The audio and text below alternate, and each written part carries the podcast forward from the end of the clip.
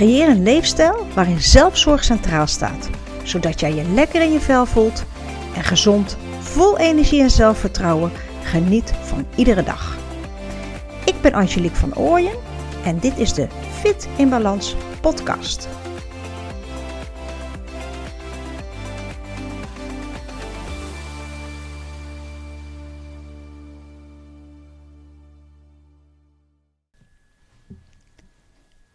Welkom bij de tweede aflevering van de podcast alweer.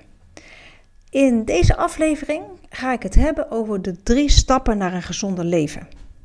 Want als ik met dames in gesprek ben en als ik ze met elkaar op praten, hoor ik zo vaak: Ik wil wel gezonder leven, maar het lukt me nooit om dit vol te houden.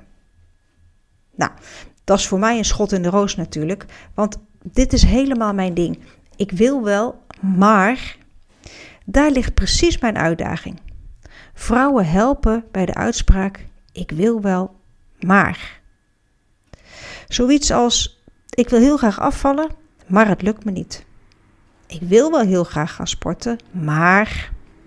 Of ik wil wel gezond koken, maar de kat is vandaag jarig. Ik noem maar wat. Nou, hier ga ik deze aflevering op in. Uh, en ik ga je de tools geven om voor eens en voor altijd te stoppen met de uitspraak: ik wil wel, maar. Voordat ik dat ga doen, moet me eerst iets van het hart. En dat is dat ik zo ongeveer allergisch ben voor het woordje maar. Want wat het woord maar namelijk doet, is dat het alles wat je daarvoor hebt gezegd onderuit haalt. Ik wil wel, maar. En dan komt er vaak een heel verhaal met de reden waarom het niet lukt, waarom iets niet past of wat dan ook. Zelf gebruik ik standaard het woord en. En geeft namelijk gelijk een hele andere wending aan dezelfde zin. Luister maar eens even. Ik wil wel gezond eten en het lukt me niet het vol te houden. Of ik wil heel graag afvallen en ik vind het lastig. Hoor je het verschil? Iets mag lastig zijn en toch kun je ervoor kiezen om hiermee aan de slag te gaan of om er iets aan te doen. Als je het woord en gebruikt, is het zowel het een als het ander. Ik wil wel gezond eten is een wens of een constatering. En ik vind het lastig om het vol te houden. Dat is ook een constatering. Alleen in het laatste geval, de constatering ik vind het lastig om vol te houden, geef je jezelf wel de mogelijkheid om er iets mee te doen. Of om er op zijn minst over na te denken. Gebruik je het woord maar, geef je jezelf eigenlijk altijd een excuus om het niet vol te houden. Of om er überhaupt niet aan te beginnen. Want je hebt eigenlijk al tegen jezelf gezegd dat het toch niet gaat lukken of dat je het toch niet volhoudt. Voel je een beetje wat ik wil zeggen? Nou, dat gezegd hebbende wordt je zin dus voortaan. Ik wil wel gezonder leven en ik vind het lastig om het vol te houden. Toch? Oké, nou, leuk gezegd. Alleen um, hoe los je dat het niet lukt dan wel op? Even terug naar de tools hoe je je gezonde leefstijl op een fijne manier kunt volhouden. Ofwel hoe je op een fijne manier kunt omschakelen naar een gezonder leven. Met stip op nummer 1 staat bij mij al sinds jaar en dag zelfzorg. Mijn stokpaardje is natuurlijk het ontwikkelen van een gezonde leefstijl vanuit zelfzorg. En zelfzorg betekent dat je graag goed voor jezelf wil zorgen. Omdat je het jezelf waard vindt. Je gunt het jezelf dat je goed voor jezelf zorgt. Je gunt jezelf het allerbeste en realiseert je dat als je goed voor jezelf zorgt, je, jij je beter voelt en je dus ook weer beter voor anderen kunt zorgen. En iets doen omdat je dat heel graag wil, voelt heel anders dan iets doen omdat het moet. Luister maar eens naar het verschil. Ik moet 5 kilo afvallen, dus ik ga op dieet. Of ik wil heel graag 5 kilo afvallen, daarom ga ik andere keuzes maken. En nog een andere. Ik moet van die vetrol af. Dat stoort me mateloos. Ten opzichte van, ik wil graag wat slanker zijn, dan voel ik mezelf verzekerder. Dus mijn eerste tip: ga maar voortaan vervangen door het woordje en. En ga moeten eens vervangen door het woordje willen. En dat klinkt heel simpel.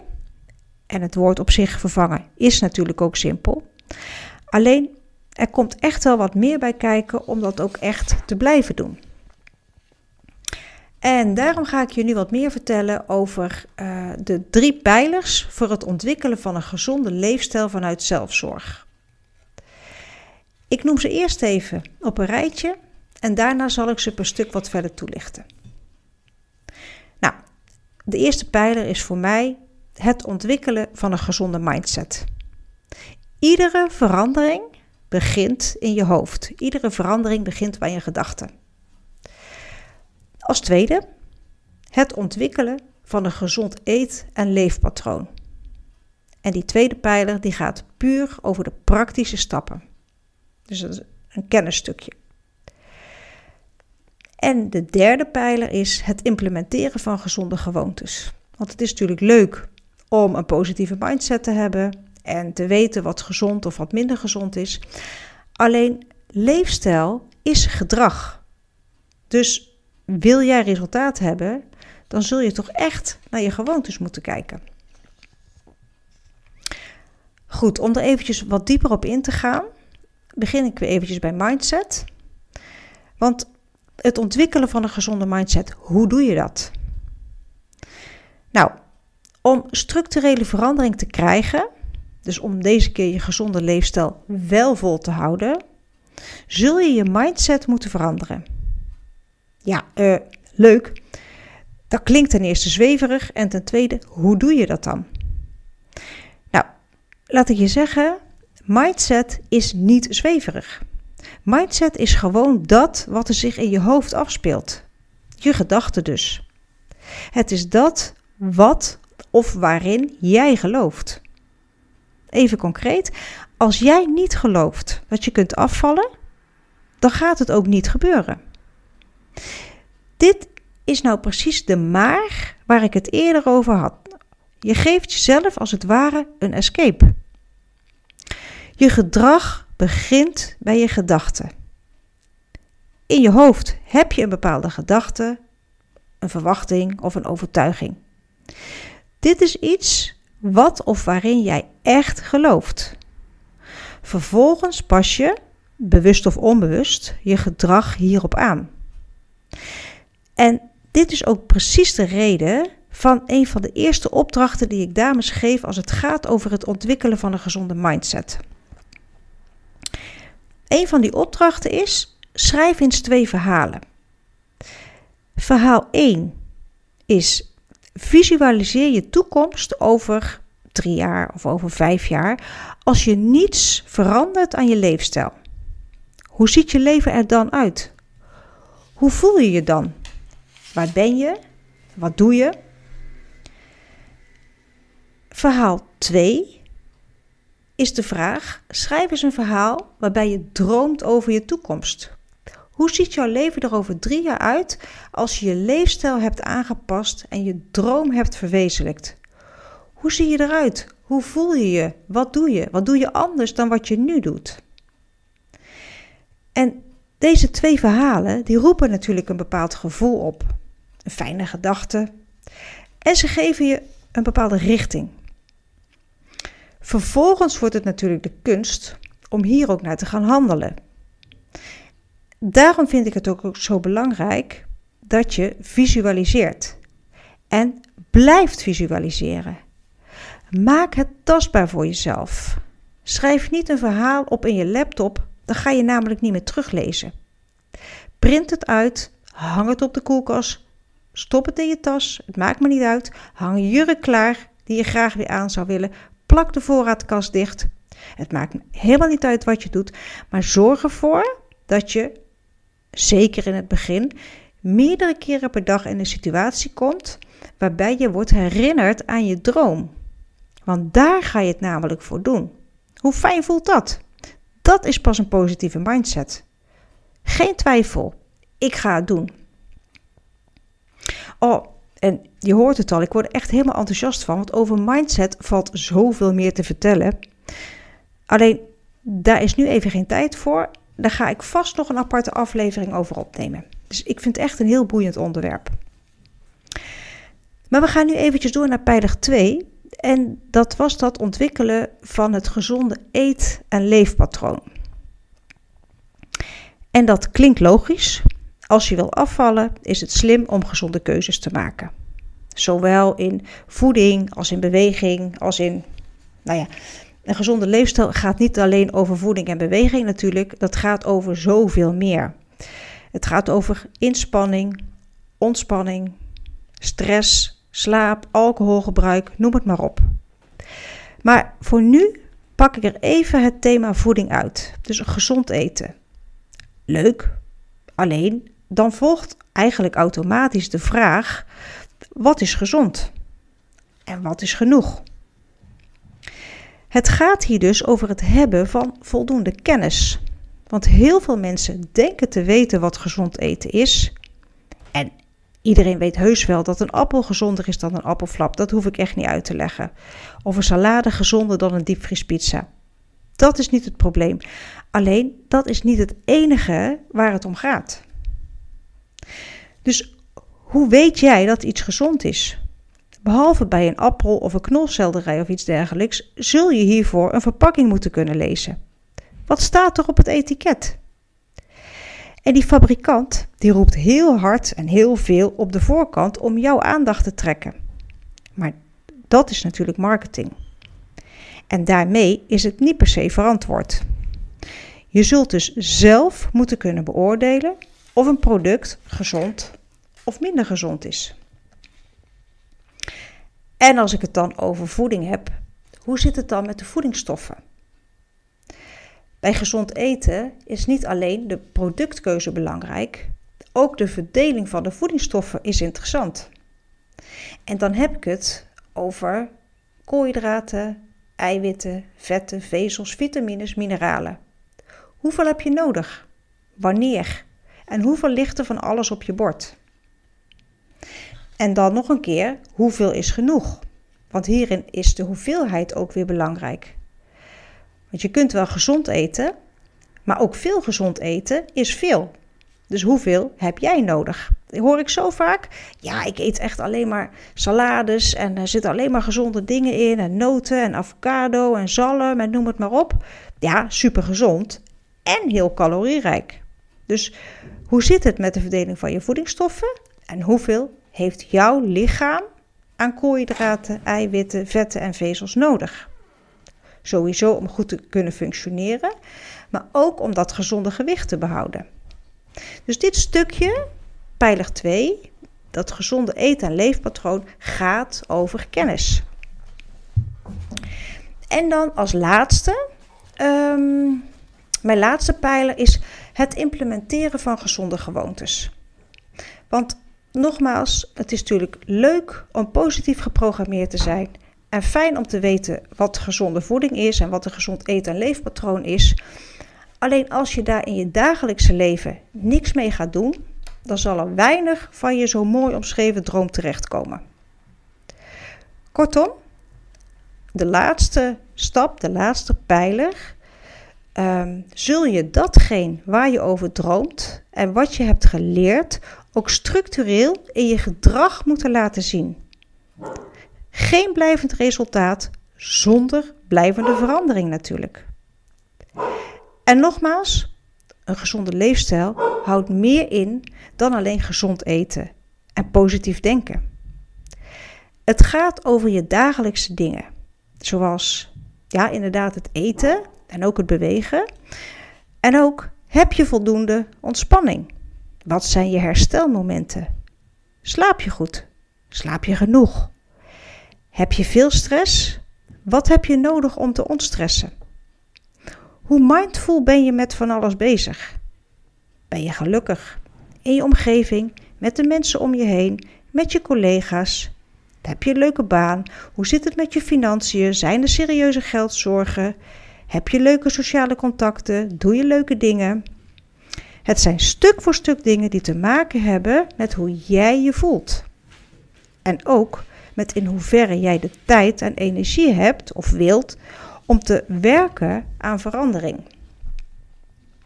Dus naast voeding, waar sta jij op dit moment op al deze leefgebieden? Wat heb je nodig om steeds een stukje dichter bij jouw droom, doel of ideaalbeeld te komen?